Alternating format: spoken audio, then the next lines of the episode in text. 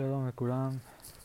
Uh, היום אני הולך לקרוא את uh, המאמר שאלה אינסופית של כריסטופר בולס. Uh, אני בעצם מתחיל לחזור אחורה מתחילת היחידה ולעבור על כל המאמרים שלא הקלטתי, שזה לדעתי חמישה או שישה, והשאיפה שלי זה לה, להקליט גם את כולם. להשלים את מה שהיה חסר. אה, וזהו, המאמר הזה הוא יחסית אה, קצר, אז נראה שזה יעבור די בקלות. אני זוכר שקראתי אותו, אה, אז סימנתי לעצמי פה כל מיני נקו... משפטים שאהבתי, או עצבנו אותי, וכל מיני הערות. אז אני מניח שזה גם, אני אתייחס גם לזה תוך כדי ההקראה. ו... מה עוד אני רוצה להגיד? אז רציתי להגיד קצת רקע על כריסטופר בולס. אה, חשבתי שקוראים לו כריסטופר בולס, אבל אני רואה, חיפשתי עליו ואני רואה שזה בולס. אה, הוא בן 79 כיום, הוא נולד בשנת 43. כתוב עליו שהוא British Psychoanalyst and Writer, Leading Figure in Contemporary Psychoanalytic Theory. והספר שאנחנו בעצם הולכים לקרוא את ההקדמה מתוך הספר שלו שנקרא אה, השאלה האינסופית, בתרגום לעברית, באנגלית הוא נקרא The Infinite Question, והספר הזה יצא ב-2008. אז אה, זה קצת רקע. עכשיו, יש פה בהתחלה ציטוט שרק אה, עליו אה, אה, שפכתי פה קצת לא מעט דיו, כאילו, כאילו מין פתיחה מעניינת כזאת קצת. אה, אני חושב שעכשיו אני רק אקריא את זה ואני לא אתייחס לכל מה שכתבתי פה, ואולי בסוף אני אחזור לזה. אז הציטוט שנמצא בפתיחת הספר אומר ככה: האקסיומה הפילוסופית על המחשבה להיות מובנת על בסיס הקיום. האקסיומה הפסיכואנליטית קיימת מחשבה לא מודעת. וזה צי, אה, ציטוט של אה, בחור בשם אלן בדו, מתוך ספר שלו שנקרא Infinite Thought, שיצא בשנת 92. אז שוב פעם, האקסיומה הפילוסופית היא שעל המחשבה להיות מובנת על בסיס הקיום, והאקסיומה הפסיכואנליטית היא שקיימת מחשבה לא מודעת. ואותי זה כבר ההתחלה מאוד מאוד תפס, כי פילוסופיה זה נושא שמאוד העסיק אותי בשנים האחרונות, ויצא לי מאוד להתעסק בו הרבה ולקרוא הרבה וללמוד עליו הרבה. וכמובן שבמסגרת התוכנית אנחנו מתעסקים בגישה הפסיכואנליטית,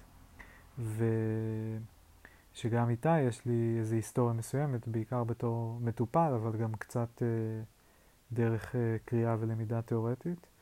ופה עושים איזושהי אה, הבדלה כזאת, כאילו מגדירים את ההבדל ביניהם, אה, מה האחד ביחס לשני. אז מאוד מעניין. אני לא מבין עד הסוף את הכוונה, מה זה אומר על המחשבה להיות מובנת על בסיס הקיום. אולי שכאילו ה... אה, צורת החשיבה שלנו, ההגיונות שלנו, אה, התיאוריות והמודלים שאנחנו משתמשים בהם כדי לפרש את המציאות מסביבנו, צריכים להיות מבוססים על אה, הקיום, גם מה זה הקיום, זה לא בדיוק ברור אם זה קיום במובן של המציאות או אה, כאילו ריאליטי, או החוויה של להיות קיים, כאילו אה, existing, אולי משהו כזה שמתחבר לאקזיסטנציאליזם, לא לגמרי ברור לי. והאקסיומה הפסיכואנליטית קיימת מחשבה לא מודעת. וגם כאן, שוב, טוב, אני בכל זאת קצת כן חופר בזה, מסתמן, אבל מה זה אומר מחשבה? כאילו, קיימת מחשבה לא מודעת, כי המחשבות שלי, אני מודע לזה שאני חושב רק בגלל שאני שומע אותן, או רואה תמונות, בדרך כלל לא שומע משפטים, או, או רואה, שומע משפטים, קולות, או רואה איזה שהן תמונות מטושטשות כאלה בדרך כלל. אז... Uh, אז אני תוהה מה זה אומר מחשבה לא מודעת. זה בשבילי, כאילו בקריאה ראשונה זה קצת נשמע כמו להגיד אה, צליל לא נשמע. כאילו, אם יש צליל זה אומר שאני שומע אותו, אז מה זה אומר? ואם יש לי מחשבה זה אומר שאני חושב אותה, זה אומר שאני מודע אליה. אז מה זה אומר מחשבה לא מודעת? לא לגמרי ברור לי. אבל לי באופן אישי, באופן כללי, יש קצת קושי עם ההגדרה אה, הזאת של הלא מודע, ולא אה, שאני חושב שכל מה שיש הוא מודע, אבל, אה, אבל אני חושב שמאוד בעייתי לדבר על משהו שבהגדרה הוא לא מודע. כאילו, אם הוא לא מודע, אז איך אפשר לדבר עליו? חייב, חייבת להיות מודעות כבסיס של, של הבנה של משהו, או של בכלל... אני לא יודע איך להגדיר את זה במונחים אחרים, אבל במונחים טכניים, כדי שאינפורמציה תעבור מאיזשהי אובייקט שאני, ש, שקיים והוא נוכח באיזשהו אופן אליי, לתודעה שלי, אני חייב להיות מודע לאובייקט הזה. אם אני לא מודע אליו, אז לא עוברת אינפורמציה. ואז איך אפשר לדבר על, על האובייקט אם לא הגיע ממנו שום אינפורמציה. בכל אופן, זה המחשבות שלי בפתיחת ה... אה, בפתיחת הספר והמאמר, אה, והפרק למעשה, לא בדיוק מאמר. וזהו, ועכשיו נתחיל, זה כאמור ההקדמה, אה, ויאללה, אני מתחיל לקרוא. הקדמה ספר זה חוקר כיצד אנשים מביעים את עצמם באופן לא מודע בתהליך הפסיכואנליטי באמצעות אסוציאציות חופשיות. איננו צריכים להיות פסיכואנליטיקאים כדי לדעת שבהתנהלות שלנו היומיומית אנו קולטים ומבינים אירועים המתרחשים סביבנו באופן לא מודע. בעשותנו כך, אנו גם חושבים באופן לא מודע על האירועים הללו ומקשרים אותם לחוויות חיים קודמות. כמה מהאירועים הללו יכולים להתארגן ולהופיע בחלום באותו לילה. חלק קטן מהדברים שאנו חושבים עליהם באופן לא מודע יחלחל פנימה אל המודעות שלנו ויצא ממנה. כשאני עובר במכוניתי ליד מחלבה, אני עשוי לחשוב על ילדותי המוקדמת, כשגרתי בכפר, אה, כשגרתי בכפר. אזכר אולי בטיול השבועי למחלבה בחברת סבי, וגם בחוויה של תלישת עשב רך ותחיבתו מבעד לגדר, לגדר כדי שהפרות, חיות גדולות המשמיעות קולות גייה, מצחיק שהוא מגדיר את זה ככה, יפתחו את פיותיהן, יושיטו את הלשון של מגעה מזכיר נייר, נייר זכוכית, ויקבלו את מנחתי. אני יכול לחשוב על כך באופן מודע, אבל יכול גם לא לעשות כך. אני יכול לחשוב על כך באופן מודע, אבל יכול גם לא לעשות כך. לו רציתי לצעוד בנתיב הזיכרונות, הייתי יכול להוסיף עוד הרבה רשמים מביקוריי במחלבה. הייתי יכול לכתוב על מכוניות הפורד של סב... על מכונית הפורד של סבי, אה, כיצד נהג להושיב אותי על ברכיו ולתת לי לסובב את ההגה. אה, על המקום שבו עצרנו תמיד לקנות גלידה, על ביקורנו בחנות הכפר ועל הררי התבן, לא בטוח שאני אוגע את זה נכון, שנהגתי לטפס עליהם. אה, אולם, בואו נדמיין שאינני חושב על כל הזיכרונות הללו כשאני חולף ליד מחלבה מודרנית. הם לא נכנסים למודעות שלי. עם זאת, אני עשוי לפנות אל אשתי וילדיי ולשאול אותם, אתם רוצים לעצור ולאכול גלידה? האם אני מודע לקשר שבין הנסיעה ליד המחלבה והטיולים השבועיים עם סבי? בדרך כלל לא. אך ברור שהקשר הזה קיים במוחי. אנחנו יכולים לראות זאת באמצעות האסוציאציות שמתעוררות בעקבות אה, ראיית האובייקט המעורר, המחלבה.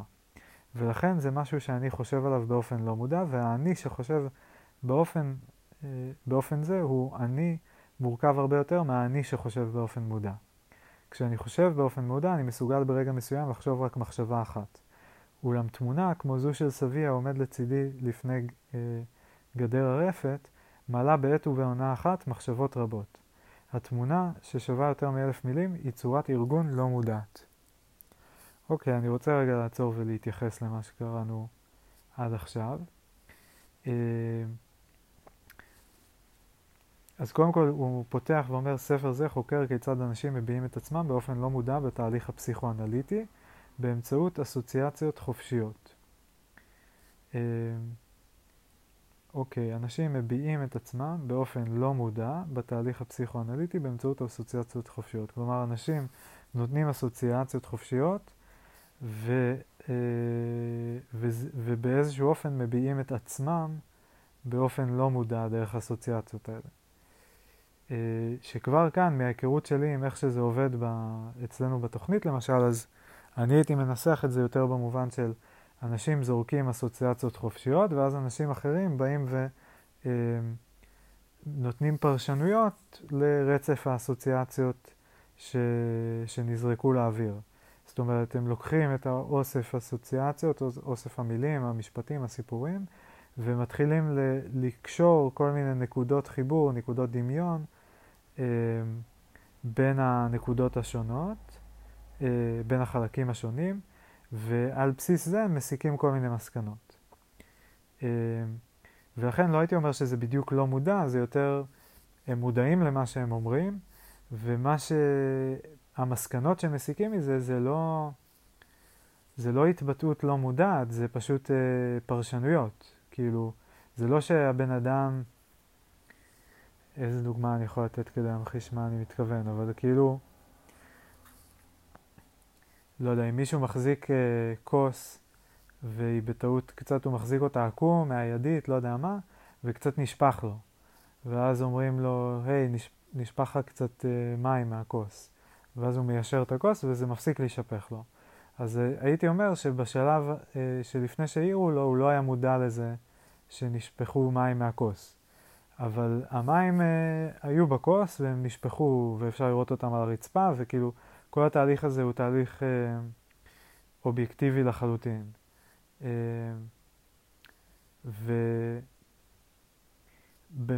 ולהבדיל, בסיטואציה שבה אנשים נותנים אסוציאציות ואז מישהו בא ואומר,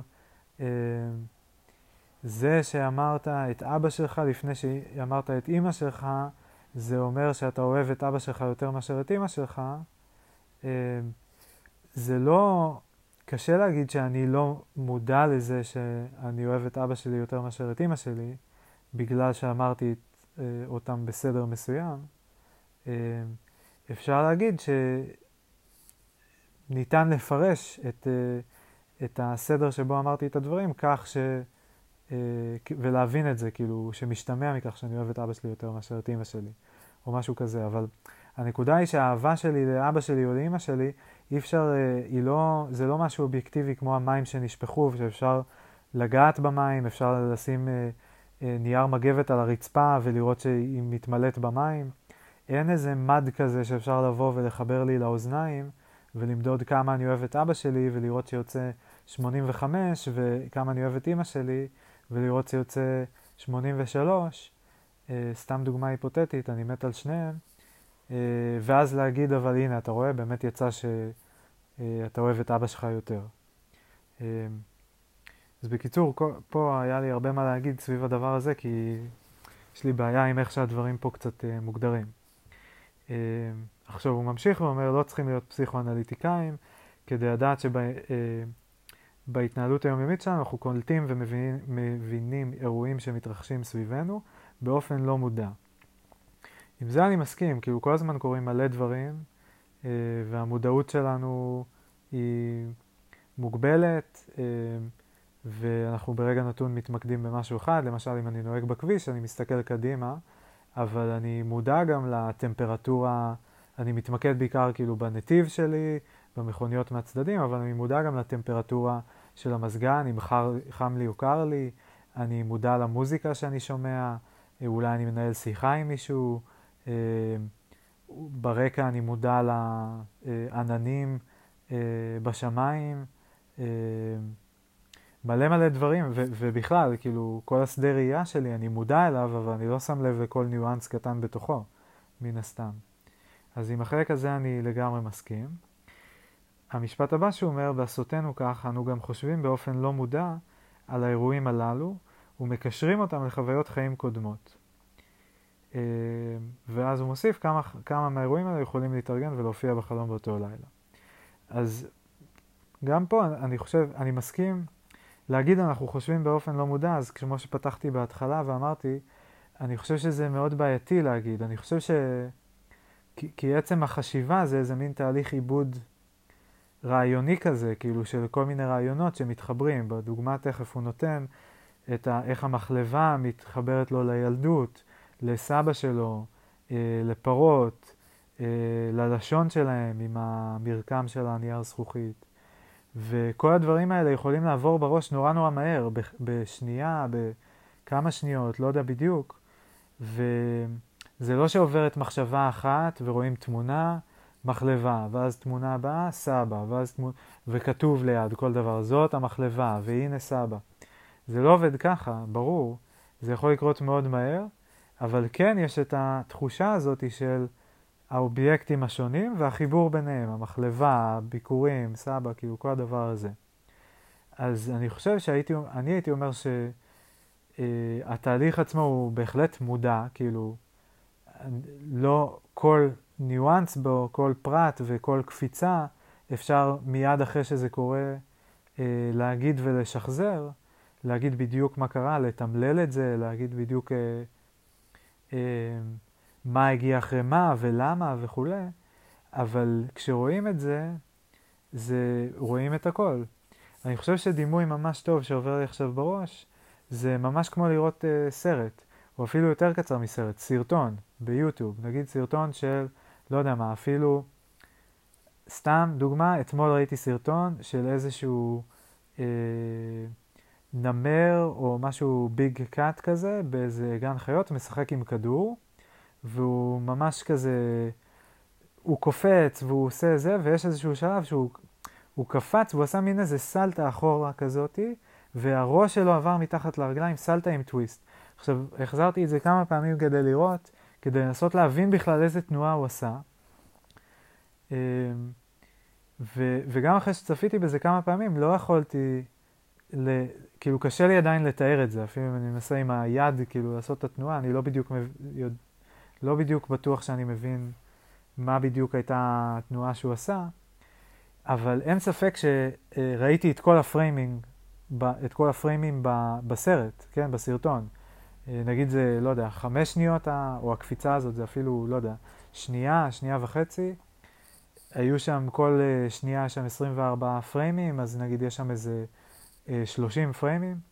אני לא פספסתי אף אחד מהם, העיניים שלי היו פתוחות, ראיתי הכל. אבל לשחזר אחרי זה ולבוא ולהגיד בדיוק איך הוא קפץ, אם הרגליים הקדמיות ניתקו קודם מגע עם הקרקע, או האחוריות, באיזה שלב הראש עבר מתחת לרגליים, כל הקטע הזה, זה אני לא יכול להגיד. אבל, אה, אז רק כאילו לסכם, אז הפואנטה שלי היא שבסרטון הייתי מודע לכל הסרטון, אבל אני לא מודע לכל הניואנסים של התהליך אה, ש, שהסרטון בעצם מתאר או משהו כזה. וגם בחשיבה, אני חושב שאני מודע לשלב, לכל מה שקורה בחשיבה שלי, כאילו לכל המחשבות השונות והאסוציאציות שקופצות. אני, אני צופה בסרט, אני קולט את זה, אבל במידת, אה, אה, אפשר להגיד במידת מודעות שונה. אבל אני לא חושב שאפשר להגיד שיש מידה שהיא אפס. כי אם זה אפס, אז זה בכלל לא, לא אמור להיקלט, כאילו, אני לא אמור לדעת את זה. זהו, יאללה, חפרתי על זה מלא, אבל uh, נראה לי שהעברתי את הנקודה שלי. Uh, אז הוא נותן את הזיכרונות מהמחלבה, מסבא והביקורים וכולי, ואז הוא מספר איך כאילו, כשהוא נוסע עם המשפחה שלו כיום והוא עובר ליד מחלבה מודרנית, הוא מציע ל, ל, למשפחה ללכת לקנות גלידה. אה, עכשיו, קודם כל היה לי בעיה עם הדוגמה הזאת, כי כאילו, בכל מקרה מחלבה, חלב, גלידה זה כאילו, זה קפיצה די uh, קרובה, כאילו, לא צריך את הזיכרונות ילדות שלך בשביל הדוגמה הזאת, לדעתי. Uh, אבל נגיד שכאילו הוא, הוא אומר שבעצם זה עובר דרך הזיכרונות ילדות שלו, אז, אז, אז, אז, אז אני שוב, אני טוען שכאילו, הוא, הוא רואה את זה, או כאילו, הוא מבין את הקשר, והנה, הוא גם כתב על זה מאמר. אז... אה, אה, אבל כאילו ה... כן, כאילו, כל הרצף רצף אסוציאציות עובר בו לדעתי, אבל בסופו של דבר, באמת מה שנשאר זה הגלידה בסוף, כאילו, הקפיצה מה, נקודת התחלה, נקודת סוף, ואת כל רצף הדברים שבאמצע אולי הוא לא מתעכב עליהם או משהו כזה. טוב, יאללה, אני מתקדם. אה, כל יום בחיינו הוא מסע מורכב בתוך מבוך של אסוציאציות. איננו יכולים אפילו לחשוב על כל הרשמים שמעוררים אותנו. איננו יכולים לחשוב על כל האסוציאציות שאובייקט מעורר אחד עשוי לעלות אצלנו. אצלי המחלבה מעלה אלפי זיכרונות שקשורים בה. בסוגריים, פרויד כתב שבלא מודע קיימים רצפים של אסוציאציות. וואלה, מסכים עם פרויד. נוסיף לאותה, כאילו חוץ מהקטע שזה בלא מודע, אבל יש לנו רצפים של אסוציאציות. אז חצי מסכים עם פרויד. דש לפרויד. שאט אאוט לפרויד. נוסיף לאותה תמונה יחידה משהו ש... ביניתי במקום אחר, אני לא יודע מה זה ביניתי. שכיניתי במקום, אה סליחה, שכיניתי במקום אחר אה, לקסיקון של אובייקטים. והנה, והנה אנחנו כבר מוקפים באלפי אובייקטים מעוררים הטבועים בתוך המציאות. אובייקטים אלה הם המונחים שבהם אנו חושבים. בכל אחד מאיתנו מסתתר סופר, מלחין, צייר, פסל או רקדן. אנחנו יוצרים, באמצעות שפה, צלילים, תמונות, רמזים ותנועות, אלפי רעיונות לא מודעים של העולם שבו אנו חיים. קוראי ספרו של פרויד, פירוש החלום, ימצאו בו שתי תיאוריות שונות לחלוטין של הלא מודע. בששת הפרקים הראשונים בספר הוא בוחן את סוגי החלום השונים ואת הדרכים שבהן חלומות נוצרים. באופן חוזר ונשנה, בדרך כלל בהסתמכות על עבודות של אחרים שאותם הוא מרבה לצטט, פרויד מכיר בחלומות השוזרים התנסויות וחוויות חיים לתוכן החלום. אה, בפרק 1, חלק 3, גירויי החלום ומקורותיו, פרויד מצטט כמה כותבים המראים כיצד החולם משלב גירוי בתוך החלום. לדוגמה, פרויד מרבה לצטט מדבריו של פול וילהלם, וילהלם יסן, שכתב רעמים מתגלגלים מציבים את החולם, את החולם בשדה הקרב. במאמר על הלא מודע שכתב פרויד 15 שנה לאחר כתיבת פירוש החלום, הוא מוסיף שרוב הרעיונות הלא מודעים הם תכנים לא מודחקים. מדוע הבחנה זו חשובה כל כך? אה, זה גם מבלבל קצת. רוב הרעיונות הלא מודעים הם תכנים לא מודחקים. הייתי חושב שהם יהיו כן מודחקים, אבל אוקיי. אה, יש פה גם מלא הערות שוליים שאני מתלבט אם אה, להתעכב עליהם או לא. בואו נראה, יש פה הערה אחת שהיא מעניינת, איפה היא הייתה?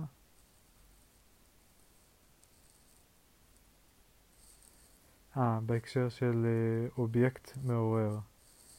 אז אה, הסופר בולס כותב שבספר שלו, Being a Character, מ-1992, הדגשתי כיצד אובייקטים אמיתיים, מעוררים, וכיצד אנחנו משתמשים בהם לא רק בגלל שלמותם, כתבניות, אלא משום שיש בהם משמעות אישית מתוך היסטוריית ההשלכות שלנו, וכן משמעות תרבותית וחברתית. כשאנחנו משתמשים באובייקטים כאלה, איננו רק חלק מהעולם האובייקטים, אנחנו חושבים מחשבות מסוימות באמצעות ההשפעה המעוררת המתמשכת שלהם. אוקיי, אני ממשיך. בכל אופן, המשפט האחרון, איפה שעצרנו, זה שפרויד, 15 שנה אחרי כתיבת פירוש החלום, מוסיף שרוב הרעיונות הלא מודעים הם תכנים לא מודחקים. מדוע הבחנה זו כל כך חשובה? פסיכואנליטיקאים התעלמו בעצם ממה שמכונה הלא מודע, שאינו מודחק, והעדיפו להתייחס ללא מודע המודחק. אה, אוקיי, זה מתייחס לנקודה שלי ממקודם. כיום, המודחק נחשב למרכז התיאוריה של פרויד על הלא מודע. למעשה הוא הפך כמעט לשם נרדף לרעיון הקונפליקט הפרוידיאני, הנפש הנלחמת עם עצמה. תיאוריית ההדחקה של פרויד כמציאות קלינית מתמקדת בחזרת המודחק. רעיונות מודחקים חוזרים באמצעות נגזרות שיכולות לעקוף את החלק המצנזר של ה mind. אה, על mind יש פה הערה, mind זה מבנה התודעה, ניתן לכנותו לחילופין מודעות, תפיסה והכרה. מושג זה, זה סליחה, המכיל בתוכו את עולמו המנטלי הסמוי והפנימי של הפרט, הוא אמורפי ולעיתים אידיוסינקרטי, כלומר אישי, וקשה להגדרה. אוקיי. אה, רעיונות מודחקים חוזרים באמצעות נגזרות שיכולות לעקוף את החלק המצנזר של ה mind, אותו חלק שאיננו מאשר את המחשבות הלא רצויות. אנליטיקאים שמקשיבים ומנסים לאתר נגזרות אלה, ימצאו אותן, לדוגמה, בפליטות פה או במילים שבתבניתן הפ... הפונמית נמצאים מסמני משמעות, בסוגריים signifiers, אחרים המסתירים ומאפשרים לעבר הלא רצוי לחמוק מהצנזור באמצעות תחבולות דקדוקיות. צורת עבודה כזו תדרוש מהאנליטיקאי להישאר שקט במשך שבועות ולהמתין יחד עם המטופל להופעתן של נגזרות כאלה. אה, אוקיי, אני מה זה לא מתחבר לכל הקטע הזה של אה, אה, פרשנויות על בסיס אה, פונטיקה ותחבולות אה, דקדוקיות. אה, וגם כל הקטע הזה שכאילו יש חלק מצנזר, ואז יש חלק אחר ש, שחומק ממנו, זה כאילו יותר מדי נכנסים לי לתוך הראש, כאילו... אה, לפעמים אני מצנזר דברים, אבל אני יודע כשאני עושה את זה, בדרך כלל. לא תמיד אני אודה בזה בלייב, אם נגיד בוויכוח עם מישהו, אז אני לא בהכרח אודה בזה. אה, אבל אם אני אחרי זה בדיעבד חושב על זה, שואל את עצמי, אני יודע כשאני עושה את זה. אה, ו, ונגיד שיש איזה חלק שעושה את זה שאני לא מודע אליו, אז נורא נורא קשה לי להבין איך מישהו אחר מבחוץ יהיה כל כך מודע אליו. אבל אוקיי, אני ממשיך. אולם, פרויד הציע ב, אה, בעקיבות גם תיאוריה נוספת של ביטוי לא מודע, כזו שאינה מתרכזת ברגעים היותר נדירים והאזוטריים, כאשר נגזרת מופיעה לפתע מתוך מגוון של אסוציאציות. תיאוריה זו מציעה משהו קיצוני יותר. בתוך רצף החשיבה שלנו טמון היגיון סדרתי. ואם נקשיב ונשים לב לדילוגים באסוציאציות של הדובר מנושא אחד למשנהו, ושוב לנושא אחר, נוכל למצוא קו חשיבה לא מודעת, או ליתר דיוק, כמה קווי חשיבה לא מודעים. בעיניי, אה, כאילו, אה, פרשנויות חסרות בסיס, איך אני אגדיר את זה יותר טוב? כאילו, כמו קצת, סליחה, לא, מקווה ש... טוב, לא יודע, מקווה שלא, אף אחד לא ייפגע מזה, אבל זה קצת כאילו בעיניי כמו מי שהולך ולוקח בתנ"ך ומוצא שבעמוד 117, אם קוראים את שורה, אה, את פסוק אה, ד' אה, מהסוף להתחלה או מלמעלה למטה, את, לוקחים את כל האותיות הראשונות, אה, אז יוצא שכתוב רצח רבין, או לא יודע מה, משהו כזה.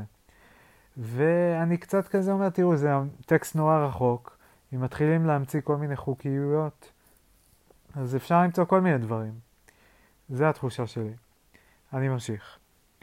אה, אף על פי שאני מחשיב תיאוריה רבת ערך זו כצורה אחת של חשיבה לא מודעת, ספר זה לא התמקד בתיאוריית ההדחקה של פרויד, במקום זאת אתמקד בתיאוריית הרצף שלו. לא רק מכיוון שרבים בקהילה הפסיכואנליטית התעלמו ממנה, אלא מכיוון שאני מאמין שאם נלמד להקשיב לרצף הזה, נגלה דיבור לא מודע, עשיר ומורכב. יותר מזה שניתן למצוא במסמן המשמעות היחיד שיש בו אולי הבטחה פונמית ספציפית. אוקיי, לא לגמרי הבנתי. להקשיב לרצף הזה, נגלה דיבור לא מודע, עשיר ומורכב יותר, מזה שניתן למצוא במסמן המשמעות היחיד שיש בו אולי הבטחה פונמית ספציפית. עדיין לא הבנתי. לא נורא. מהו היגיון הרצף? גם כשיש לנו תוכנית פעולה מודעת וברורה, כמו למשל הכנת רשימת מצרכים לקנייה במכולת, החשיבה שלנו איננה מתנהלת בדרך כלל בצורה פשוטה שנקבעה מראש. לפני הכנת הרשימה, אה, חשבנו בוודאי על כמה פריטים, והם יהיו אולי הראשונים שיופיעו בראשונה, אולם אז ניתקע ונצטרך להמתין עד אשר פריטים שנמצאים עדיין בחשיבתנו הלא מודעת יעלו ויעברו אל המודע. אוקיי, בהקשר הזה הוא פשוט כאילו, אני, אני הייתי קורא לזה להיזכר, לא הייתי קורא לזה שמהחשיבה הלא מודעת זה יעלה למודע. אה, למה לא פשוט להגיד עד שניזכר, עד שהאסוציאציה תקפוץ, אה, אבל אוקיי, אולי אפשר גם לטעון שיש חשיבה לא מודעת שמביאה את זה באיזשהו אופן. ובדרכנו חזרה מהקניות, ניזכר בוודאי בכל אותם פריטים ששכחנו לכלול ברשימה. אכן, אפילו ניסיון מכוון לארגן את חשיבתנו באופן מודע, עשוי למעשה להיכשל. כשאיננו מוגבלים על ידי תוכנית פעולה מיידית, המחשבות שלנו נעות ברצף לא מכוון, שנראה לכאורה, לכאורה אקראי.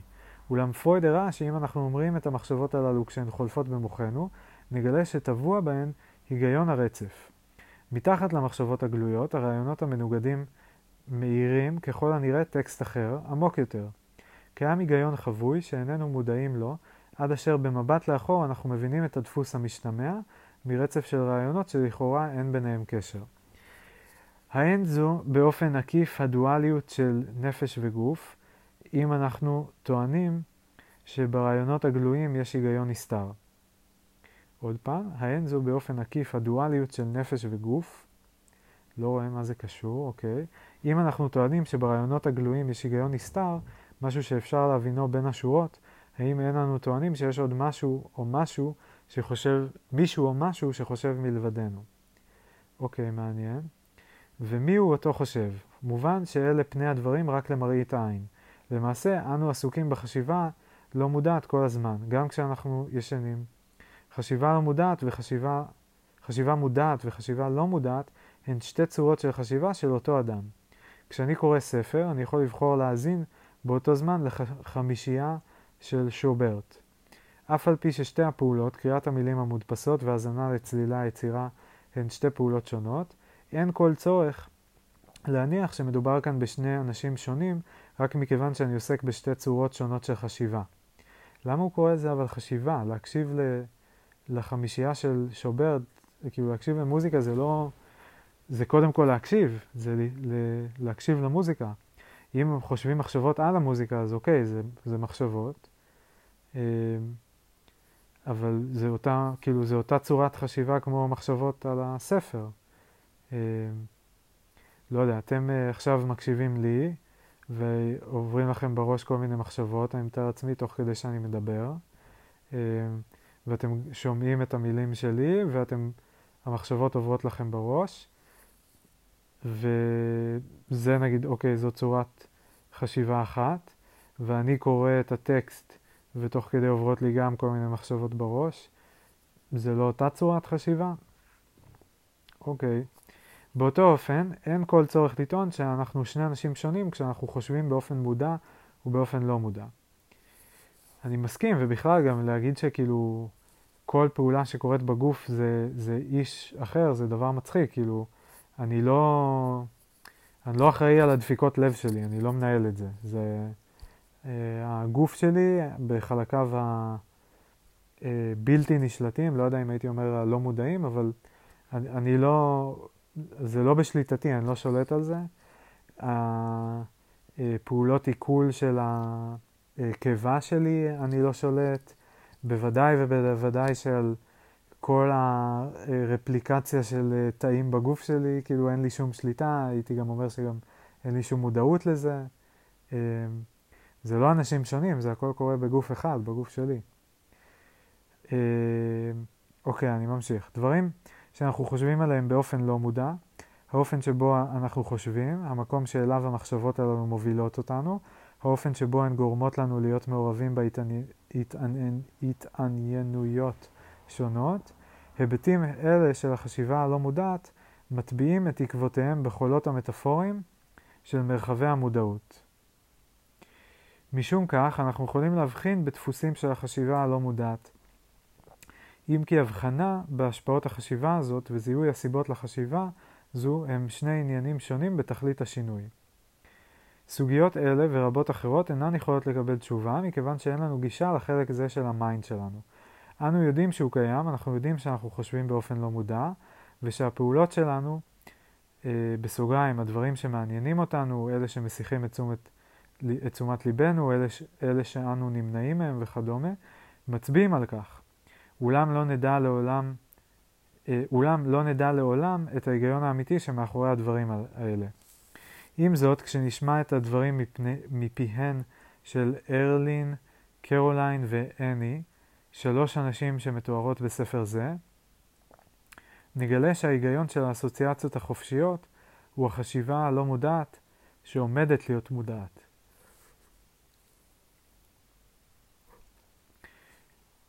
עוד פעם, נגלה שההיגיון של האסוציאציות החופשיות הוא החשיבה הלא מודעת שעומדת להיות מודעת.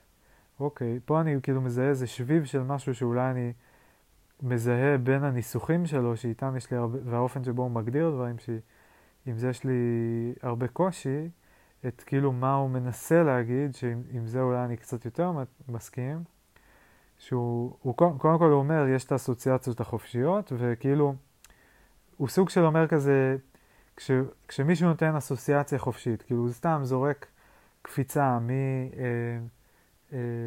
מגשם אה, אה, למטריה, לכיתה א', לשיעור לשון, לסנדוויץ' פסטרמה. אה, מאיפה הדבר הזה הגיע? כאילו, איך, איך, איפה הגיעו הדילוגים? ו, והאם יש איזשהו היגיון אה, שמעניין לחשוב איך מגדירים היגיון בהקשר הזה, אבל כאילו סיבתיות במובן מסוימת, למה דווקא האסוציאציות האלו הגיעו ולא אחרות?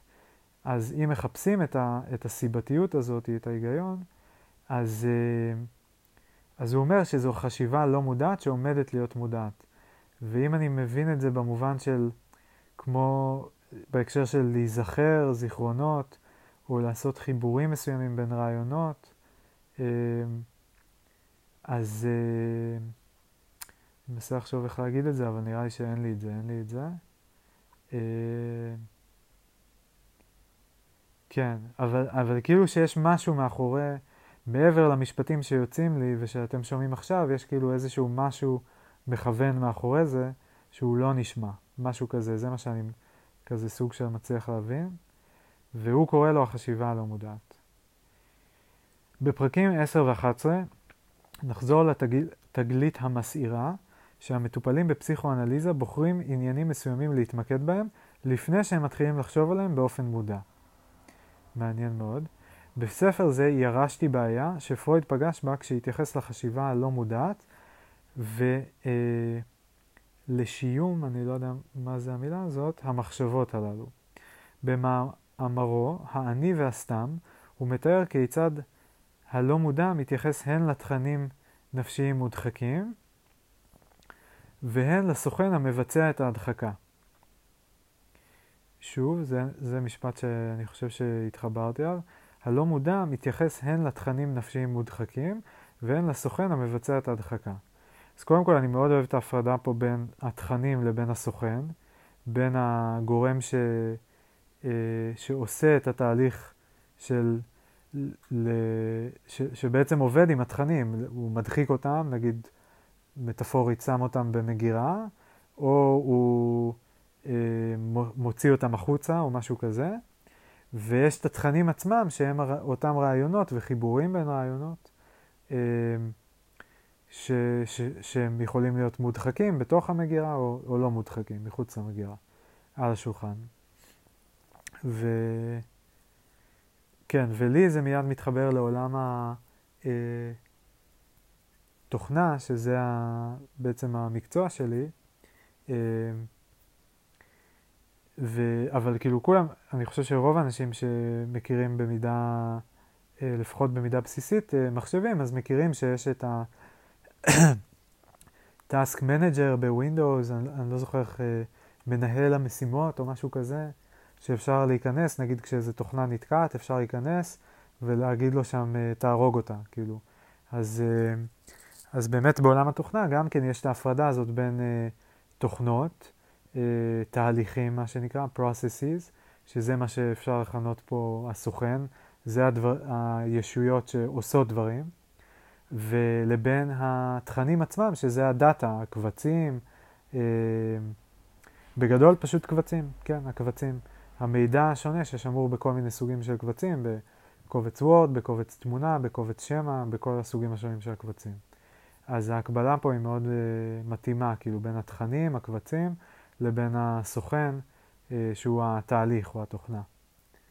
Uh, אז את זה מאוד אהבתי, באופן כללי אני מאוד אוהב אה, אה, מודלים ש... ש... שעובדים גם בעולם התוכנה וגם בעולם ה...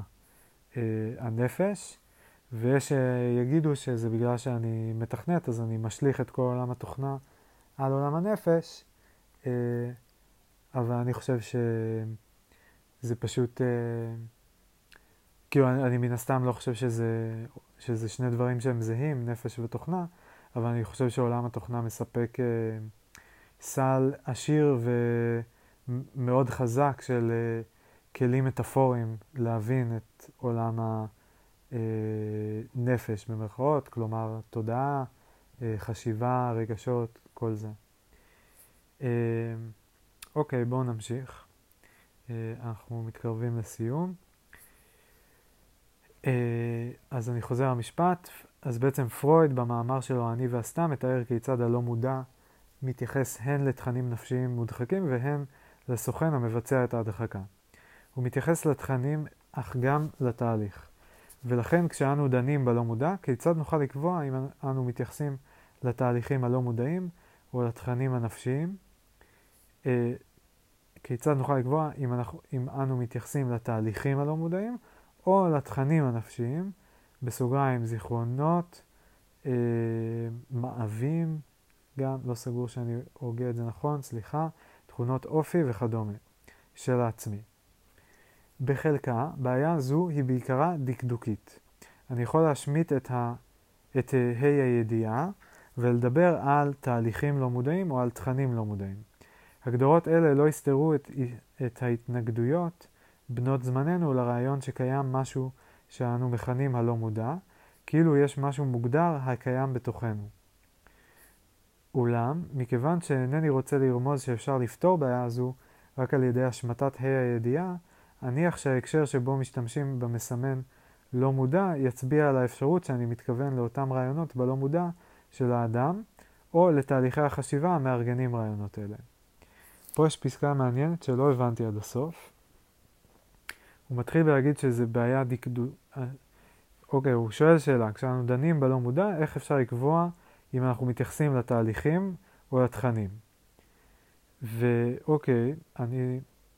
נראה לי, נראה לי קל, כאילו אפשר לדבר או על תהליכים לא מודעים או על תכנים לא מודעים, אבל אה, אז אני לא מבין את השאלה לגמרי. אה, אולי הוא שואל כאילו, כשמישהו אחר כותב לא מודע והוא לא פירט, אז למה, איך יודעים למה הוא התכוון? לא לגמרי ברור לי. אבל uh, הוא ממשיך והוא עונה לעצמו על השאלה ואומר, בחלקה זו בעיה דקדוקית. Uh,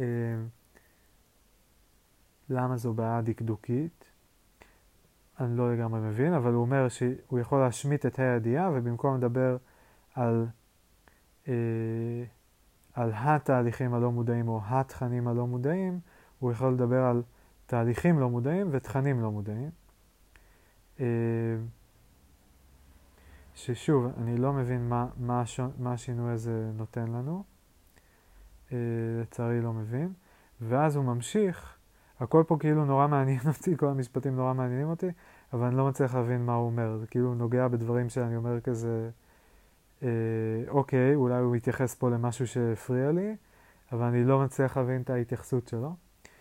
אה, ואז הדבר הבא שהוא אומר, הגדרות אלה לא יסתרו את ההתנגדויות בנות זמננו לרעיון שקיים משהו שאנו מכנים הלא מודע. אז קודם כל מעניין אותי שהוא אומר שיש התנגדויות בנות זמננו, זאת אומרת שאני לא היחיד שמתנגד לקונספט הזה של הלא מודע. ואני לא מבין למה ההגדרות, ההגדרות לא יסתרו את ההתנגדויות. ההגדרות לא יסתרו את ההתנגדויות. זאת אומרת שהם, אה, שהם כן יסתרו את, את מי שתומך ברעיון של הלא מודע. לא הבנתי מה זה אומר שההגדרות לא יסתרו את ההתנגדויות. כאילו יש משהו מוגדר הקיים בתוכנו. אוקיי, שוב, מצטער, אני לא מצליח להבין את זה. אולם, מכיוון שאינני רוצה לרמוז שאפשר לפתור בעיה זו רק על ידי השמטת הידיעה, אניח שההקשר שבו משתמשים במסמן לא מודע יצביע על האפשרות שאני מתכוון לאותם רעיונות בלא מודע של האדם, או לתהליכי החשיבה המארגנים רעיונות. אז כאילו הוא מסכם בלהגיד, אניח ש... שהוא, שאפשר להבין מקונטקסט, מתי הלא מודע מתייחס ל... תהליכים ומתי לתכנים. אוקיי, לא יודע, מאוד עניין אותי הפסקה, אבל בסופו של דבר הרגשתי שלא הפקתי ממנה הרבה. אה, אני ממשיך. ההבחנה של פרויד בין הלא מודע לסמוך למודע פתרה כמה בעיות ועוררה אחרות. אם נניח שהסמוך למודע מתייחס לתכנים ב mind, הוא מתאר את מה שקיים בלא מודע התיאורי, הדסקריפטיבי, אולם הוא גם זמין ונגיש ל mind המודע. לפיכך, הסמוך למודע שונה הן מהתחומים שלעולם לא חדרו למודע, והן מהרעיונות שצונזרו והודחקו. נוצר בלבול מסוים מכיוון שרעיונות סמוכים למודע אינם מאוחסנים במקום כלשהו בלא מודע שלנו, סוכן החשיפה שלהם נמצא גם הוא בלא מודע. הסמוך למודע חייב לפעול בהתאם לתהליכים לא מודעים, אלא אם כן התיאורטיקן ינסה לטעון את הטענה המגוחכת שאנחנו עושים מניפולציה מודעת של התכנים הסמוכים למודע. יפה, אז פה הוא ממש נוגע בלב הביקורת שלי על העניין הזה של המודע, שאמרתי מקודם, שכאילו, אם זה לא מודע, אז בהגדרה זה לא נגיש, ואז איך, איך אני יכול להביא משם דברים, איך אני יכול אה, לדעת משהו על מה שקורה שם, איך אפשר להגיד על זה משהו, אה, אם, אם זה לא מודע, אם זה בהגדרה כאילו לא מודע. ואז הוא אומר שפרויד אה, כאילו ניסה לפתור את זה באמצעות זה שהוא הגדיר איזשהו שלב ביניים בין הלא מודע למודע, שזה הסמוך למודע, אה, שהוא מין מגשר. עכשיו, אה, זה, זה כאילו, זה עדיין לא בדיוק פותר לנו, כי זה עדיין אומר שאוקיי, אז הסמוך למודע הוא לא לגמרי מודע, אבל אה, כאילו רעיונות, בס... רעיונות סמוכים למודע הם לא מאוחסנים בלא מודע, אה, אבל סוכן החשיפה שלהם נמצא גם הוא בלא מודע. זה גם, אני לא מצליח לגמרי להבין למה הוא מתכוון. הלוואי שהוא היה עושה איזה תרשים גרפי, שהיה אפשר כאילו להבין את החלקים השונים. אה, ושוב, נורא נורא מעניין ומגניב בשבילי, רשמתי לעצמי פה כל מיני הערות בצד, כמה כל המודל הזה הוא מזכיר מודלים מעולם התוכנה. ואני לא, אני לא יודע כמה, כאילו אני לא רוצה לחפור על זה יותר מדי, אני לא יודע כמה זה מעניין, בעיניי זה סופר מעניין. אמ, אבל, אז אני רק אגיד על זה בקצרה, שבמחשבים, בעולם התוכנה, בעצם יש אה, תוכנה בנויה בשכבות. יש את השכבה אה, של המערכת הפעלה, שזה במקרה של רוב, הרבה מאוד אנשים, מי שבד... רוב מי שלא מפתח תוכנה זה Windows. אמ, יש כאלה, נגיד אומנים, מוזיקאים, אה, אה, מעצבים גרפיים, שהם אה, עורכי וידאו, שעובדים הרבה עם, עם Mac של אפל. אני עובד עם Mac, גם הרבה מתכנתים עובדים עם Mac. יש עוד מערכת הפעלה שנקראת לינוקס, יש עוד כל מיני מערכות הפעלה אחרות. ו... וכמובן שעל הפלאפונים שלנו אנחנו מכירים יש את uh, iOS של אפל, יש את אנדרואיד של גוגל ויש כל מיני אחרים. ובעצם השכבה של המערכת הפעלה זה כאילו שכבה שבאה עם הפלאפון או עם המחשב, ועל גבי השכבה הזו אנחנו מתקינים את האפליקציות שלנו, את התוכנות.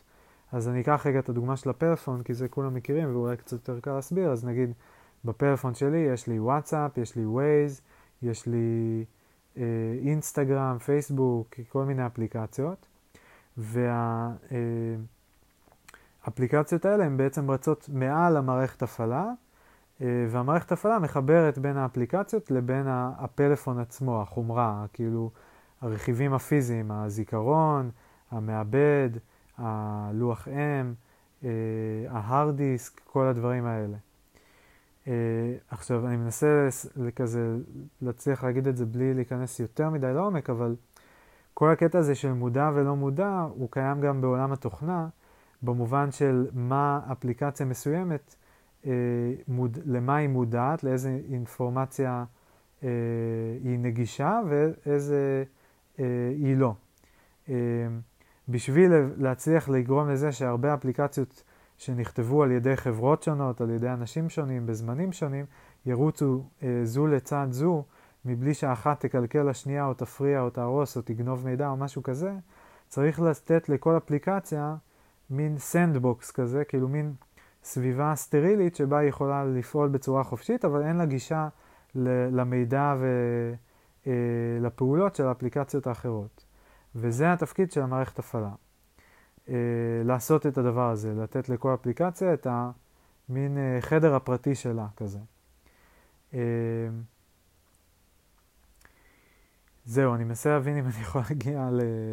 לאיזה פואנטה בלי ממש לחפור בזה עוד, אבל, אה, אבל בקיצור, גם שם אפשר לדמות את המערכת הפעלה לסוג של הלא מודע, או הסמוך למודע אפשר לקרוא לזה, ואת אפליקציות למודע, אה, והאפליקציות בעצם מתקשרות עם המערכת הפעלה, או אולי אפילו הייתי אומר אחרת, הרכיבי חומרה הם הממש לא מודע, המערכת הפעלה היא הסמוך למודע, או התת מודע, או הרכיב המקשר, והאפליקציות הן המודע.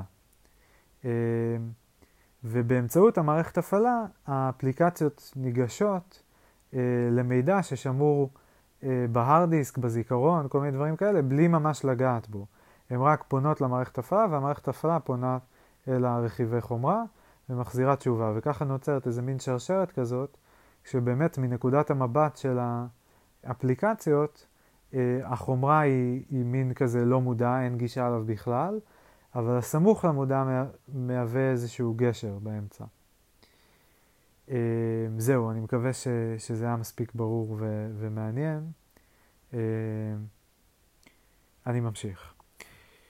במקום אחר כתבתי על הלא מודע הקולט, The Receptive Unconscious, ועל הלא מודע שהתקבל, The Received Unconscious, לעומת הלא מודע המודחק ולמודחק בכלל. הבחנה זו חשובה לדעתי, אולם אני עלול לשגות בדיוק באותה שגיאה שתיארתי לעיל, לאל, איך אומרים את זה? אם לא אבהיר שהמוד... עכשיו שאני מקריא דברים, אני מגלה כמה מילים אני לא יודע להגיד. איזה מביך. לא נורא. אה, אולם אני עלול לשגות בדיוק באותה שגיאה שתיארתי לאל, אם לא אבהיר שהמודחק, הלא מודחק שהתקבל, והסמוך למודחק, הן צורות שונות של חשיבה לא מודעת. סוגיה זו תידון באריכות בפרק המסכם ספר זה. טוב, אני לא מצליח ל- ל- לגמרי לעקוב אחרי כל האונתולוגיה של הרכיבים השונים והמודחק והלא מודחק והמודע והסמוך על המודע, אבל לא קריטי, אנחנו בכל מקרה לא נתעמק בזה, כי אנחנו קוראים רק את ההקדמה. אה, אז רק נספוג כזה קצת מצורת החשיבה והטרמינולוגיה. נוכל להדגים בעזרת תמונה את השאלה אם אנו, את השאלה אם אנו מתכוונים לצורה או לתוכן. אם נדמיין למשל תווים של סימפוניה, נוכל לראות בעיני רוחנו גם את התכנים וגם את התהליכים שמסמלת המילה לא מודע. ואכן, בראשית העצמי, לא הבנתי בכלל את הדוגמה. תווים של סימפוניה נוכל לראות בעיני רוחנו גם את התכנים וגם את התהליכים שמסמלים, שמסמל את המילה הלא מודע. אוקיי, לא הבנתי, לא נורא. ואכן בראשית העצמי, תהליך לא מודע ותוכן לא מודע, חד המה. מה? מה זה אומר? ותוכן לא מודע, חד המה. לא יודע. החיים הלא מודעים שלנו מתחילים עוד ברחם, ומקורם בנטיות הגנטיות שלנו, והם ממשיכים להתפתח במהלך השנים הראשונות, המעצבות של הילדות. האופן בו, שבו מטפלים בנו האחר, האחרים האנושיים והמוקדמים ביותר בחיינו, האובייקטים המתמירים, Transformational Objects, של ינקותנו וילדותנו, מקודדים בתוכנו, מעניין המטאפורה הטכנולוגית, מקודדים בתוכנו והופכים לחלק מהדקדוק אה, מקודדים בתוכנו והופכים לחלק מהדקדוק של האני שלנו, או לחוקי הקיום וההתייחסות שאנו משתמשים בהם באופן שבו אנו חיים את חיינו. במובן זה, תהליך או צורה אינם שונים ונבדלים מהתוכן. אה, זהו המצב גם לגבי כל עבודת יצירה. האופן שבו ברמס אה, מלחין, בסוגריים מעצב את רעיונותיו המוזיקליים, בסוגריים תכנים, משלב את התהליך ואת התוכן לישות אורגנית אחת. אני לא מסכים עם זה, אני מרגיש שהוא עושה סלט, כאילו, היה את, אה, את ברמס, שהוא הלחין, הוא עבר איזשהו תהליך כדי להלחין את היצירות שלו. הוא ישב, הוא חשב, הוא ניגן על הפסנתר, הוא ניסה כל מיני דברים, הוא רשם על פתק, הוא קשקש, הוא מחק, הוא קיפל, הוא זרק לפח, כתב שוב פעם, ובסופו של דבר הוא, הוציא אוסף של דפים עם סימנים עליהם, שזה התווים, אה, וזה התוכן. עכשיו, כיום, הוא כבר מת, לפני 200 שנה, או אני לא יודע בדיוק מתי. אה, התכנים, הדפים האלה, וההקלטות של הנגינות, לא שלו כנראה, אבל של אה, נגנים שעושים ביצועים של היצירות שלו, ביצועים יותר מאוחרים, זה יש לנו כיום. התכנים נשארו, אבל התהליך אין לו שום זכר. התהליך נגמר מזמן, מזמן, מזמן. אז uh, בעיניי הוא עושה פה, הוא מערבב, כאילו, שני דברים שונים. אכן, אנו יכולים לבודד כל תוכן בפסיכואנליזה, בסיפורת, ביצירה מוזיקלית, ולנתח את אותה יצירה. אולם תהליך האסוציאציות החופשיות של המטופל בפסיכואנליזה, וגם בסיפור או ביצירה המוזיקלית, כל אלה הן חוויות מעוררות. כשאנו מבודדים רגע אחד, אנו עושים זאת באמצעות הסרת אותו חלק מסוים מתהליך העבודה. באופן דומה, כשאנו מבודדים רעיון לא מודע על ידי הוצאת, הוצאתו מהקשרו התהליכי ומהפונקציה שלו, אנו מתעלמים באופן זמני מהלא מודע כתהליך חשיבתי. ואני רשמתי עצמי פה, איך אפשר להוציא רעיון לא מודע מהקשרו אם הוא לא מודע? אוקיי, אני לא יודע באמת, עדיין לא יודע. ספר זה איננו מחקר פילוסופי, ואין הוא ניסיון לחקור לעומק את, צורת, את צורות החשיבה הלא מודעות. מטרתו היא להחיות את העניין בשיטה הפרוידיאנית, ובמיוחד בשיטת האסוציאציות החופשיות. באמצעות תיאורי מקרים קליניים, אנסה להדגים כיצד אנחנו יכולים לעקוב אח, אה, אחר ההיגיון של האסוציאציות החופשיות של המטופל. אתמקד בעיקר בקו הנרטיבי של המחשבה, באסוציאציות החופשיות, מכיוון שעיקר עניינו, עניינו של פרויד היה לגלות את היגיון הרצף שמאחורי קווי החשיבה הלא מודעים. עם זאת, אינני רוצה להמשיך באופן חשיבה קלאסי זה, מבלי לציין לפחות את קיומן של צורות נוספות של חשיבה ושל ביטוי במהלך הפגישה הטיפולית. כפי שתראו, אני מציע, למען הבהירות, לכנות את הצורות השונות הללו קטגוריות וסדרים. אף על פי שספר זה מתייחס לכמה היבטים תאורטיים של אסוציאציות חופשיות, עיקרו בשלושה מקרים קליניים המוצגים בפרקים 7 9. הספר נועד לספק לאנליטיקאים מתחילים ומנוסים כאחד חומר למחשבה ולהרהור. קוראי הספר יכולים גם להיעזר בספרי The Evocative Object World, ובעיקר בפרק הראשון העוסק באסוציאציות חופשיות, פרק שיכול לשמש כהקדמה מועילה לסוג... לסוגיות המועלות כאן. אה, אוקיי, בז... בזאת סיימנו. אה, אני קצת הייתי סקרן לקרוא את, ה... את המקרים והניתוחים שלו כדי שיהיה, שזה יהיה קצת יותר קנקרטי, כי כאן כאילו הדיבורים הם, הם uh, מאוד תיאורטיים. Uh, ואם הוא היה, כאילו אם הייתי קורא דוגמה ספציפית של מה מטופלת קרוליין או אני uh, אמרו ואיזה מסקנות הוא הסיק מזה, אז היה אפשר לנתח באופן יותר uh, uh, טכני ו... אה, קונקרטי, כן, ענייני, את הטענות שלו, אבל אה, בכל אופן אנחנו נסתפק בזה. ו... וזהו, נראה לי שזהו, כן. הציטוט בהתחלה כבר פחות או יותר, הדברים שהיו לי להגיד בהקשר שלו כבר אמרתי. אה, על כל קטע של הלא מודע, אז איך מודעים אליו וכולי. אה, וזהו, אני רק רואה פה עוד איזה משהו שרשמתי לעצמי, שאני רק אוסיף, שכתבתי שכאילו, הוא סוג של, הוא אומר לא מודע, אבל בעצם, כאילו, אולי אפשר להחליף את ההגדרה הזאת ב, מבלי לשים לב לכל השלבים, או לכל הפרטים. אה, שכאילו, כל המחשבות שהוא מתאר באסוציאציות שלו עם המחלבה וזה, זה לא שהוא לא מודע לזה, הוא מודע לזה, הוא פשוט לא שם לב לכל השלבים או לכל הפרטים. זו הגדרה שיותר קל לי לקבל אותה בהקשר הזה. זהו, עד כאן.